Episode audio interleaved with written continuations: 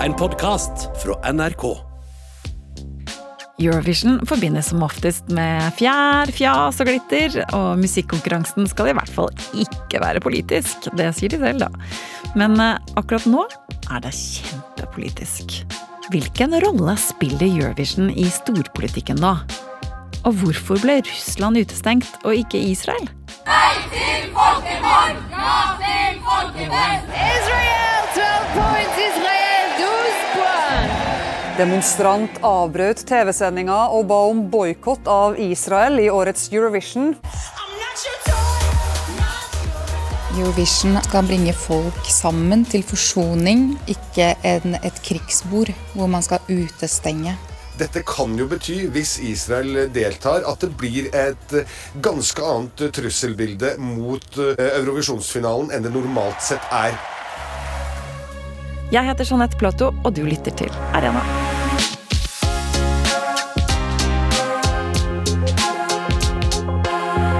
I fjor så 162 millioner mennesker på Eurovision. De sier selv de ikke er politiske, men det er klart, det ligger en viss makt i det å nå 162 millioner mennesker. Eller ikke. For nå krever både islandske og finske musikere at Israel utestenges, og her i Norge var det demonstrasjoner både foran NRK-bygget og på scenen under livesendingen av den første norske delfinalen i MGP. Hvorfor er det så viktig for Israel å være med i Eurovision? Og hvilke konsekvenser får det dersom de blir utestengt? Som vanlig her i Arena har jeg invitert gjester som virkelig har peiling på dagens eh, tema. Cecilie Hellestveit, konflikt- og folkerettsforsker, velkommen. Takk skal du ha. Og Morten Thomassen, president for den norske fanklubben for Melodi Grand Prix og Eurovision Song Contest, velkommen. Takk skal du ha. Ok, jeg begynner med deg, Morten. Hva er ditt forhold til eh, Eurovision? Det, jeg er jo barn av 70-tallet, og da var Grand Prix og Eurovision det eneste popprogrammet på TV. Og det åpna en verden til at det fins musikk fra andre plasser enn Norge, Sverige, England. Og jeg elska jo det spanske bidraget, det portugisiske og israelske. sånn De sære bidragene gikk jo rett i hjertet mitt. og og jeg fikk en åpning til kultur, popkultur fra hele Europa, og det har bare vært fantastisk siden da. Cecilie, hva med deg? Hva er ditt forhold til Eurovision? Jeg er også et barn av 70- og 80-tallet og hadde litt av samme forholdet til det da. ikke sant? Halleluja og alle disse klassiske låtene. Nå er det først og fremst litt sånn som landslaget i fotball og Ingebrigtsen-brødrene. Når det er finale, så benker jeg meg ned foran TV-en og heier på landet. Sånn er det på en måte nå. og hvor betent, Cecilie, vil du si at det er akkurat nå at Israel skal delta i Eurovision?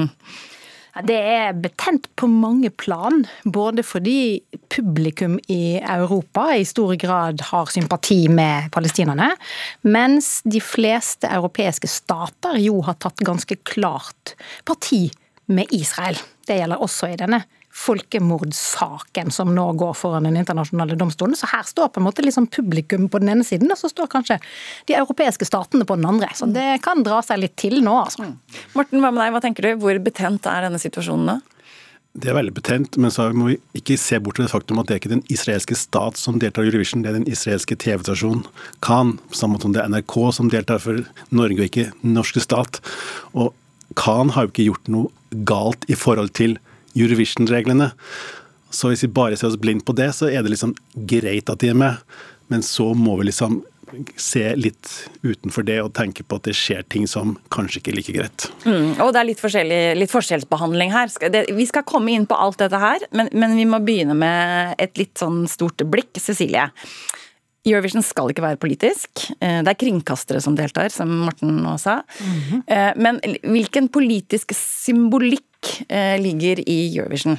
Altså sånn Historisk så var jo Eurovision et av de virkemidlene som Europa brukte for å på en måte eh, skal vi si, sy Europa sammen etter andre verdenskrig. Det var en del av det kulturelle integrasjonsarbeidet i Vest-Europa, hvor du hadde den europeiske menneskerettighetsdomstolen og konvensjonen på litt sånn strukturelt plan. Og så var eh, Eurovision en måte å vise at vi er så forskjellige, men vi er så like allikevel. Så det var en måte å bygge ned kulturelle motsetninger i Europa, for å tenke at at Europa skal være et fredens kontinent heretter. Så det er en sånn møteplass for de forskjellige kulturene, altså musikkulturene i det europeiske fellesskap. Og det, når, når den kalde krigen var over, så ble det jo utvidet veldig. ikke sant? Så det er liksom, Nå er det hele Øst-Europa, og det strekker seg jo ganske langt inn i Sentral-Asia, faktisk. ikke sant? Så det er jo spørsmål om hvem er det som er med i den europeiske klubben og dette europeiske, som vi gjerne tenker, demokratiske, vestlige fellesskapet. Og der har jo Israel fått lov å være med fra veldig tidlig, fordi Israel jo er til en viss grad bygget på ideer fra Europa, og er bygget som en følge egentlig av jødeforfølgelsen under den andre verdenskrig. Det var den mer umiddelbare grunnen til at Israel ble opprettet. Og de som har hatt makten i Israel, i mange tiår etter det, har vært de europeiske jødene. Og Det har gjort at liksom, den kulturelle nærheten mellom Israel, og særlig moderne israelsk popkultur, og Europa er veldig, veldig nær. Så, og nå er jo spørsmålet, fordi Israel er jo i ferd med å endre seg litt. Det er andre krefter enn de europeiske jødene som har kanskje sånn flertallsmakten i Israel etter hvert. Og det er en liten kamp i Israel om hvor nært knyttet de skal være til Europa. Og det er klart, det er en kamp som har, har tilspisset seg i det siste, og da er det egentlig ganske viktig, sånn symbolsk egentlig, for israelerne om de er en del av det, eller om de ekskluderes. Så sånn så kan du si at, at det, det, er, det, er, viktig for eh, Israel å være en del av det vestlige fellesskapet. Før vi snakker litt mer om det, eh, Morten, hvem er det som er med i Eurovision? For Cecilie var inne på det her, det er, det er mange land, også arabiske land. Det er delt de som er med i Den europeiske kringkastingsunionen, EBU. Så der har du hele Europa, men du har liksom alle de afrikanske landene som grenser mot Middelhavet også med. Så vi har jo hatt eh, Tunisia skulle vært med i 1977, trakk seg pga. at Israel var med. I 1980, når Israel ikke var med, så var Marokko med. Kom på nestes plass, og da ble kongen der så sur at han tenkte dette gjør vi aldri med igjen. Hvorfor var han så sur? For at de kom bare på nest siste plass. Å, de vant ikke! Jeg skjønner. Og Libanon skulle ha vært med i 2005 hadde valgt artist og låt inntil de oppdaga at det sto i reglene at du må vise alle de andre deltakerlandenes låt under sendingen. Og da var Israel med, og det har de ikke lov til i Libanon, så da måtte de trekke seg av den grunn. Ja. Så Israel har vært et, problem sånn sett ganske lenge, fordi av enkelte lands vanskelige forhold til dem. Ja, nettopp. De sier jo selv at de ikke er politiske, men har, de, har Eurovision blitt mer politisk etter hvert? Altså, Israel har jo sendt noen låter der de hedrer det og 'dette er mitt land', 'det er her vi hører til'-låter, som er liksom tilforlatelig på en måte, men også politisk på en annen måte, avhengig av hvordan, hvilket øye du ser med. Så de har liksom lagt visst at liksom, vi vil være med. Og så er det noe med den Eurovision-greia som jeg bestandig vært fascinert av. Det er noen land som er kontroversielle. Russland, Aserbajdsjan, Israel. Der det skjer ting som mange reagerer på. De er liksom, står borti skammekroken resten av året. Men i Eurovision-uka Kom til oss! Kom og bli på festen! Nå skal vi ha det gøy, og drite opp i alt det stygge du gjør resten av året. Nå har vi det gøy. Det har vært veldig fascinerende, men klart det er mange som reagerer på hvorfor er de med, som gjør sånn og sånn og sånn. Ja, og det, vi må nesten inn i det, for det er det spørsmålet som alle stiller med en gang. Jeg kan jo lese opp det de selv sier. Eh, altså De sier at dette er en konkurranse for kringkastere, ikke styresmakter, og at den israelske kringkasteren oppfyller alle konkurransereglene og kan delta i konkurransen. Men dagen etter at Russland invaderte Ukraina, eh, så ble de utestengt. Da sa EBU avgjørelsen reflekterer bekymring for at krisen i Ukraina, sammen med russisk deltakelse i årets finale, vil bringe konkurransen i vanry ganske forskjellige typer reaksjoner. Cecilie, hjelp oss litt med å forstå forskjellene her. Jeg tror at den situasjonen som oppsto i 2022 var veldig spesiell, egentlig. Fordi det var første gang alle europeiske organisasjoner som handler om integrasjon av Europa, Eh, bestemte seg for at de nesten skulle bryte sine egne prosessregler for å bli kvitt Russland. Ja. Så det var en felles ekskluderingskampanje i alle eh, fora hvor Russland var til stede. Og det handlet jo om at for Europa var den invasjonen en katastrofe. Fordi Russland innfører egentlig en sånn gammel regel fra imperienes tid om at hvis du har en sterk militærmakt, så kan du forsyne deg av et naboland hvis du vil.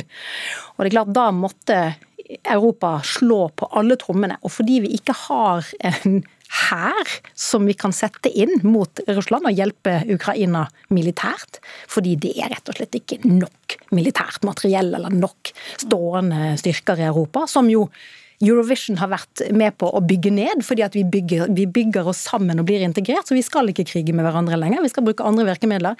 Og da ble Europa stående litt sånn naken og avkledd, egentlig. Jeg eh, måtte se til amerikanerne, kan dere komme og hjelpe til med noe her, eller hva skal vi gjøre? Og da måtte europeerne bruke det de hadde tilgjengelig. Og det var sin økonomi, altså sanksjoner. Og så var det alle andre tenkelige kulturelle, eh, sportslige, akademiske boikottvirkemidler som vi hadde for hånden.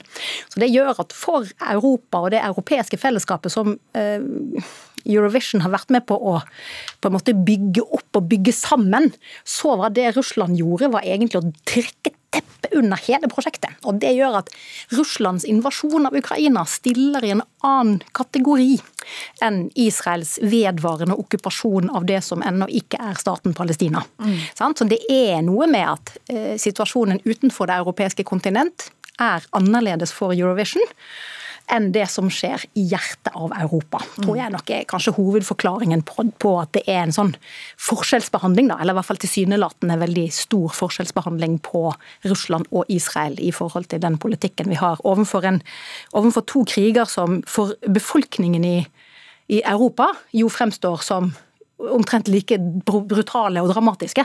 Så hvorfor behandler vi den så forskjellig? Jo, jeg tror det, det ligger egentlig litt der. Altså, at det Russland gjorde, gikk til også kjernen i hva hele Eurovision-prosjektet egentlig er. Ja, for eh, slagordet til Eurovision er jo 'United by Music'. Og da debatten her på NRK arrangerte debatt om boikott av Israel fra Eurovision, så sa artisten Nathalie Aldema at Eurovision burde nettopp bringe musikere fra forskjellige land sammen.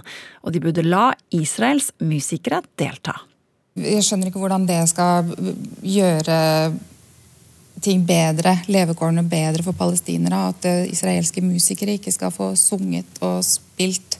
Israel har også gjennomgått nå en stor traume og driver og lapper sammen eh, familier. Det er masse brente boliger, det er masse omplasserte familier. Det er masse eh, bestemødre som er drept, barnebarn, folk som har blitt kutta kroppsdeler av. Altså, de, de har gjennomgått en ganske heavy traume, og de også trenger at eh, vi omfavner dem og ser dem og anerkjenner lidelsen deres.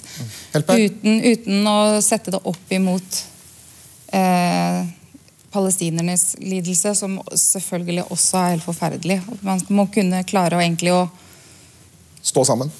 Nei, og liksom være pro begge folk. Samtidig argumenterer mange for at Israel ikke bør være med. Oppropet 'Utesteng Israel fra Eurovision', startet av artist og tidligere MGP-deltaker Marte Valle, har nå 15 000 underskrifter. Og en av årets deltakere, Bjørn Alexander Brem, som deltar i MGP som artisten Goth Minister, han har sagt tydelig at Israel ikke bør være med i årets Eurovision. Jeg spurte ham hvorfor det er viktig for ham å uttale seg. Det er viktig for meg å komme med en uttalelse, fordi jeg mener at vi alle har en plikt til å ta avstand fra krig og drap på sivile og uskyldige barn. Jeg har også kommet med et statement. Og så er det også slik at eh, Israel er jo nå innklaget for Den internasjonale domstolen i Haag. Eh, og eh, ja, en sånn situasjon mener jeg er viktig å ta et tydelig standpunkt til. Ønsker du først og fremst at Israel skal trekke seg, eller at EBU skal utestenge dem? Nei, altså eh, når man først eh, tenker på fra Israels eh, side, så ser man jo at det blir mye oppstyr rundt dette her. Det blir veldig ukomfortabelt for alle. Så det er klart at man kan jo også stille spørsmål om Israel burde vurdert å trekke seg for å ikke skape så mye støy som, som det er gjort. Mm. Og så bør man også kanskje spørre om hva EBU ønsker å vurdere, fordi visjonen, eller misjonen til Eurovision mener jeg er ikke-politisk. Og eh, å ha med da Israel i år vil gjøre Eurovision veldig mye mer politisk enn å ikke ha dem med. Mm. Eh, ikke alle er enige med deg. De mener at Eurovision nettopp da er en anledning til å legge politikk til side. ikke sant? Altså Det der å la musikk føre folk sammen. United by music er jo slagordet. Eh, hva tenker du om det? Nei, jeg tenker at eh, vi alle er mennesker, eh, først og fremst. Og eh, de grusøtene som pågår, det har vi en menneskelig stemme og en plikt å si fra om. Du er altså videre fra første delfinale. Hvis du skulle ende opp som norsk vinner, drar du da til finalen i, i Malmö hvis Israel er med? Ja, det er klart at det, Vi har jo snakket litt om at det er jo den som vinner Eh, MGP som kanskje er eh, den som må ta den tunge børen og den, den beslutningen. Men mm. jeg har vel egentlig sagt at mitt utgangspunkt er at eh, jeg vil være med fordi jeg tror at jeg får mer sagt hvis jeg er med, enn om jeg trekker meg. Ja. Eh, så hvis jeg fortsatt er med, så kan jeg bruke min stemme. Hvis jeg er ute, så tror jeg ikke min stemme vil bli hørt like høyt. Mm. Morten, tror du dette blir den mest betente Eurovision noensinne, eller er det eksempler tilbake i historien eh, hvor det har vært så betentende? Jeg var jo til stede i København i 2014 og i Wien i 2015, da den russiske deltakeren ble pepet ut. Mye pga. annektering av Krimhalvøya. Og jeg tør ikke å tenke meg hva slags reaksjon den israelske artisten som kommer til Malmö vil få fra publikum. Du kan ikke be publikum om å være så snill og ikke pip. De gjør det. Da piper de enda mer, antagelig. Og hvor mange snakker vi om som vil da i tilfelle være i salen? Det er jo 10 000-12 000 i salen, så det kan bli en ganske heftig. Og, og som vi har hørt om, hva, var med sikkerheten til den israelske artisten? Hva med sikkerheten til de som er der? Og jeg så det var noen ishockeygreier der Israel var utestengt, og de skyldte på det sikkerhetsmessige. Det kan være de ender med at Sverige skylder på det sikkerhetsmessige, så trekker Israel seg, og så skylder på Sverige som ikke klarer å passe på oss. Jeg har en følelse at vi kommer dit, muligens. Kaos. Cecilie? Nei, altså det med utpiping er jo klart, det er jo en måte for publikum å vise at eh, selv om eh, på en måte styresmaktene eller sjefene ikke tør, så tør i hvert fall vi, og vi tør det enda mer. Det som er utfordringen da, er jo det å pipe ut en aserbajdsjansk artist i Portugal er noe annet enn å pipe ut en representant for den jødiske staten Israel i hjertet av Europa. Det er to forskjellige ting i forhold til hva det signaliserer, i forhold til hvordan det oppfattes. Så Det er klart det er også litt av, av den underliggende på en måte, byll, verkebyllen her. Og også litt av grunnen til at europeiske land, særlig Tyskland og Frankrike og Storbritannia, har vært klokkeklare i sin støtte til Israel etter angrepet til Hamas den 7. oktober. Fordi det angrepet var liksom det var laget på en måte hvor Hamas forsøkte å gjenskape jødeforfølgelsen i Europa under andre verdenskrig. Den var satt opp på en måte som skulle liksom ryste ved hele eksistensberettigelsen egentlig til den jødiske stat. Og Det har gjort at europeiske land er veldig klare i sin støtte til Israel, mens den europeiske befolkningen jo har sin sympati med palestinerne, og enda mer etter hvert som denne brutale krigen har ført til så mange tapte barneliv, særlig. Mm. Men det gjør at det er likevel en bakhistorie her som, som handler om jøder i Europa. Og når, hvis vi ser for oss en, en finale hvor en jødisk artist blir utsatt for en voldsom utpipingskampanje i Europa, så er det skal vi si, sånn politisk, symbolsk veldig sterkt. Også i en tid hvor det er økende antisemittisme i en tid hvor antisemittismen i europeiske land har mer eller mindre eksplodert, også i forhold til hatkriminalitet og alvorlige hendelser, og hvor den jødiske minoriteten i ganske mange europeiske land føler seg utsatt og potensielt forfulgt på måter som vi jo ikke har opplevd på veldig mange tiår. Så der er det også en sånn, det er mange hensyn å ta her, da, som, som gjør at, eh, at det, det, er ikke så lett å se hvordan dette her bæres. Det er veldig fascinerende. De kan godt finne på å gjøre det veldig godt i Eurovision. For en gang Når du stemmer, så kan du bestemme fram noen. Du kan ikke stemme ned noen. Ja. Så, så, at de, de, kan, selv om de blir pepet ut, så kan de gå for og gjøre det veldig bra. Fordi at liksom, Da er det kun de som støtter Israel, som vil stemme på dem.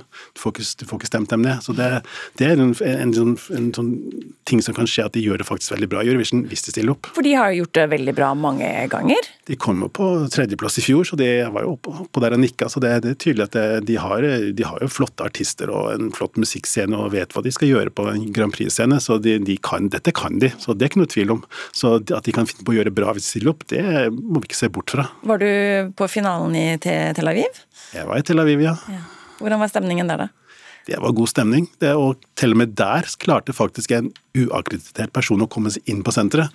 Det ble litt oppstyr, og diverse norske medier torde ikke å være til stede i pressesenteret under finalen pga. dette. Så, så, selv der har de sikkerhetsklipper. Så, men det var flott stemning, og Tel Aviv er jo en fin by og absolutt en plass verdt å dra til, hvis i normale tider i hvert fall. Mm. Cecilie, du var litt inne på det i sted. Hvorfor vil Israel så gjerne være med i Eurovision? Det har jo, For det første så er det en tradisjon. For det andre så er jo Eurovision et sted hvor israelske musikere gjør det bra. De har vunnet mange ganger, de kommer høyt opp. De har ofte låter som er veldig fengende. Og så er jo det en, Det israelske samfunnet er ganske delt. Du har én del av det israelske samfunnet som er sekulært, som ligner veldig på Norge, egentlig, på mange måter. ikke sant? Og den delen av Israel eh, er opptatt av å ha et nært forhold til vestlige land. Og så har du en annen del av Israel som er mer religiøst orientert, og annet de som har sittet med makten i Israel de siste årene, settlerbevegelsen, de ønsker jo egentlig å ta Israel i en mer sånn Midtøsten-retning, hvor du får bygga ned rettsstaten og demokratiet, og det er mer liksom de religiøse kreftene som skal, som skal ha kontroll. Og de er ikke så opptatt av, av den, eh, denne festen, da, om du vil. ikke sant? Så det er jo på en måte kanskje de kreftene i Israel som vi identifiserer oss mest med. De som kanskje er for en tostatsløsning med palestinerne. De som er, er har en innstilling til hva Israel skal være, og hvordan Israel skal forholde seg til sine naboer, som sammenfaller kanskje med det europeerne håper på. Og det er jo de som da lider av at man ekskluderer Israel eventuelt. ikke sant? Det er på en måte litt sånn vår allierte da, i det israelske samfunnet, om du vil, eh, som vi da egentlig kutter hånden til. Så det er jo også det der med igjen, da. Dette her er ikke stater som deltar, det er kringkastingsstrukturer, og så er det artister.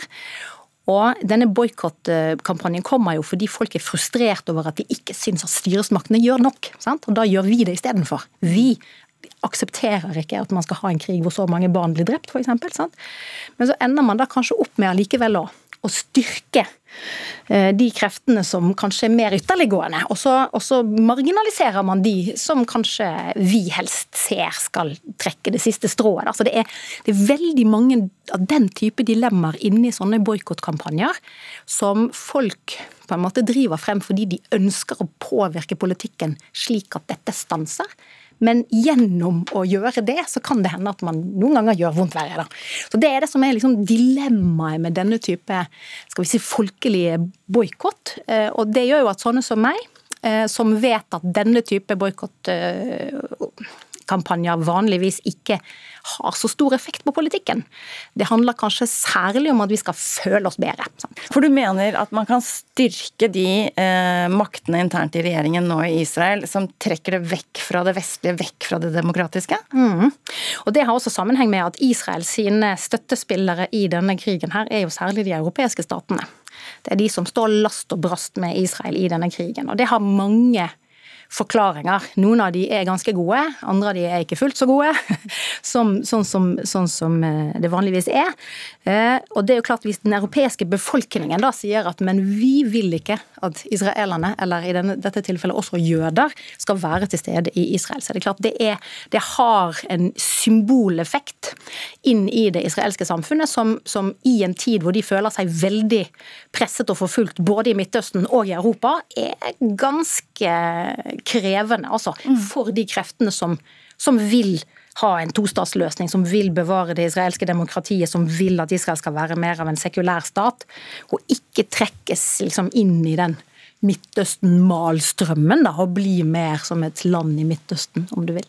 Hvilke konsekvenser får det hvis noen artistdelegasjoner bruker selve Eurovision-finalen til å si eller gjøre noe politisk? Nei, og da, og da, kan det bli ganske vanskelig. Det var jo den islandske gruppa Hatari som var med i 2019 i Tel Aviv. var jo veldig Palestina-pro og var til og med inne på en tur i Palestina. De vifta med det palestinske plagget i green room og fikk 5000 euro i bot for det. Fordi de viftet med flagget? Det, det er regler i Eurovision om du kan kun vifte med deltakerlandsflagg i green room. Kommer det et annet flagg, så er det fy og bot. Ja. Så, så enkelt er det. Så, og, og, så de, så, og, de, fikk jo liksom plutselig taleforbud fra EBU. Det hadde vært litt for munnrappe og sagt litt for mye som var litt politisk. Så de fikk streng beskjed fra BU. Vi, og jeg hadde et, laget et intervju med dem etter det, og de bare de svarte bare svada, altså ingen kommentar. Jeg spurte er det, syns det er pent vær, ingen kommentar. Oi. Så de begynte liksom å lage svada på det, fordi de, de, de, innså det idiotiske i det. Men samtidig, det er regler i, i Eurovision for sånt, dessverre. Og så er spørsmålet hvordan ville Eurovision sett ut hvis det ikke var sånne strenge regler? Fordi vi skal huske på at uh, Aserbajdsjan og Armenia, der var det krig senest i fjor. Det var ikke sant uh, Armenerne ble egentlig fordrevet i hundretusenvis. Det var nesten krig mellom Hellas og Tyrkia i 2021, ikke sant. Det, det er veldig mye politiske motsetninger i de europeiske landene som vi kanskje ikke helt tenker på her oppe i Nord-Europa Nord alltid. Så det er klart hvis du åpner for at man skal kunne politisere realiserer, så kommer jo Eurovision ikke til å bli dette skal vi si, kulturelle integrasjonsprosjektet, men snarere en scene hvor man kan vise hvor, hvor mange motsetninger det fortsatt finnes i Europa. Mm. Så jeg tenker nok at det er, det er en såkalt, det er en ganske klok eh, prinsipiell avgjørelse fra EBU. Ja, for det er jo ikke bare Israel som nå får kjenne på den storpolitiske sprengkraften til Eurovision. Eh, for svenskene, som jo vanligvis elsker Eurovision, så kommer finalen i Malmö i mai med en, en viss eh, hva skal jeg si, bismak. da. Eh, Cecilie, hvor Hvorfor er det ekstra krevende for Sverige nå å være arrangør for Eurovision? Det er fordi Sverige det siste året, halvannet, egentlig ett etter Russlands invasjon av Ukraina, har jo bestemt at nå må vi forlate vårt nøytrale ståsted, og så må vi bli EU-medlem. Nei, unnskyld, Nato-medlem. Mm. Eh, og så har jo Russland eh, ikke egentlig ønsket det, og så har de fått tyrkerne, sendt tyrkerne ut for på en måte å sette liksom kjepper i hjulene for Sverige. Og det har jo gjort at Sverige har kommet i en veldig sånn skvis i forhold til muslimske land. Det er Tyrkia først og fremst, men også litt iranerne og litt andre land i den muslimske verden. Som jo nå 100 eh, i hvert fall retorisk støtter palestinerne. Ikke sant? Så det er jo det ene. Og så har jo Sverige er jo et av de få landene faktisk i Europa som har anerkjent Palestina som stat. Men de har også terrorlistet Hamas. Så de har på en måte en litt sånn vanskelig relasjon til det politiske her, med eh, Palestina på den ene siden, Hamas og Israel på den andre. Eh, men så, og så har de en stor muslimsk befolkning, som jo har veldig klare synspunkter her. Og så har de en historie i forhold til Israel som gjør at svenskene nok vil eh, føle det veldig problematisk å skulle ekskludere Israel, som, eller på en måte legge press på Israel for ikke å komme. seg. jeg tenker nok at sånn politisk så er det veldig krevende for Sverige, fordi det er så mange forskjellige tema som på en måte blir blandet opp i denne loppskausen eh, for Sverige akkurat nå. Eh, jeg tok en telefon til utenrikskommentator i svenska Dagbladet, Jesper Sundén, for å høre hvordan de ser på sikkerheten rundt eh, finalen. Her er han. Ja, det, det, är just på, på, när det gäller säkerheten som det kommer bli en ganska tuff uppgift. Eh, det är ju dels för att det här förhöjda terrorläget men också för att man har ju både, både den stora finalen men sen har man ju tänkt sig att det ska vara olika event utanför i, i, i, dagarna innan eh, ute på stan eh, i anslutning till det här. Och det kan ju vara lätta mål för, för terrororganisationer som vill skapa problem. Mm. Det är lite speciellt också med Malmö, för just i Malmö har det ju förekommit demonstrationer, pro-palestinska demonstrationer i samband med, med kriget i Gaza där man faktiskt har hyllat terrororganisationen Hamas. Så att eh, det, det blir en grannlaga uppgift där å garantera sikkerheten innenfor arrangementet. Hva håper du vil se nå, Morten? Nei, Jeg håper som sagt at Israel innser at det, dette er ikke året for å være med i Eurovision. Rett og slett pga. både det som skjer i Palestina, men også det var jo flere tusen israelere som også har blitt drept i denne konflikten. Så de, de har jo masse sorg og smerte i sitt eget hjemland for sine egne. Så da burde de kanskje tenke at det, vi skal holde oss hjemme og heller prøve å få roa ned situasjonen. Mm. Samtidig så er det jo slik at eh, mange av de som ble drept, var jo faktisk på konsert. Og Det er jo også spørsmålet, så det blir jo på en måte en sånn slags test da, for israelerne også. ikke sant? Holder de dere med og ta dere på en måte vårt parti her i forhold til musikken, og at den musikken og gleden skal få leve videre? På en måte som gjør at vi tar stilling mot terrorangrep mot konsertarenaer, er jo på en måte også noe som ligger inni dette, og som kanskje gjør det enda vanskeligere. Og Morten, Det er vel tradisjon i Eurovision for å bruke sangtekster til å markere noe om landet. altså 7. oktober kunne lett bli til en låt fra Israel her? Ja, jeg tenker Hva skal egentlig Israel synge om som ikke blir kontroversielt? Ja. Synger de om noe som har med følelser som har med det å gjøre, så blir det kontroversielt. Synger de en happy go lucky-låt, så blir det også kontroversielt. Altså de, er, er, hva skal de synge om som ikke blir kontroversielt? Det, det tror jeg er en stor utfordring, bare for å, å velge et bidrag som liksom ikke lager enda mer bråk, i tillegg til det bråket som allerede er. Nå er det høringer i Den internasjonale domstolen om hvorvidt Israel kan tiltales for folkemord eller ikke. Kommer en tiltale til å påvirke EBU, tror du? Ja, det som er Utfordringen med den saken er at eh, i det øyeblikket ICJ, altså denne statsdomstolen i Haag, hvis den velger å åpne sak mot Israel, så er det fordi det ikke kan utelukkes at krigføringen på Gaza utgjør folkemord i konvensjonens forstand. Og Den konvensjonen den har 156 medlemmer, deriblant så å si alle de europeiske. Altså Alle som er med da på Eurovision, er også ratifiserende stater til folkemordkonvensjonen. Og Den pålegger alle stater å hindre folkemord.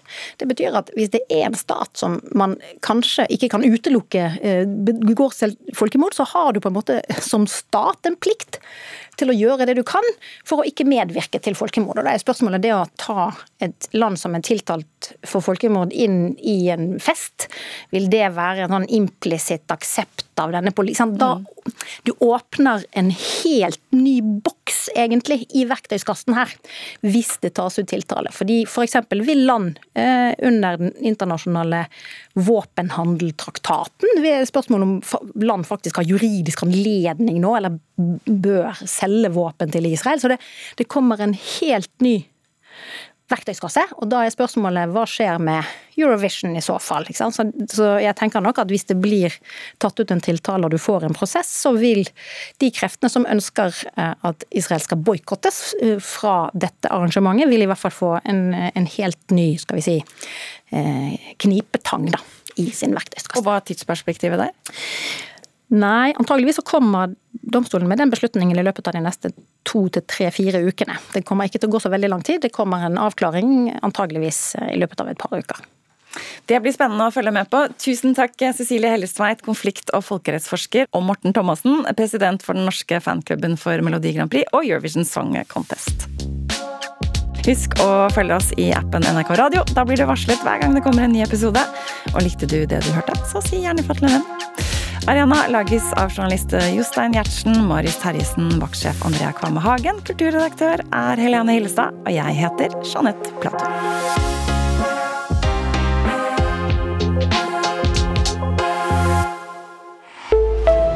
En podkast fra NRK. Et av meisterverka til Edvard Munch ble stålet fra Munch-museet i Oslo i dag. Bare ta hva du vil, gjør hva du vil, bare du ikke skyter meg. Norges største kunstskatter, malerier av Edvard Munch, har flere ganger blitt stjålet på spektakulært vis.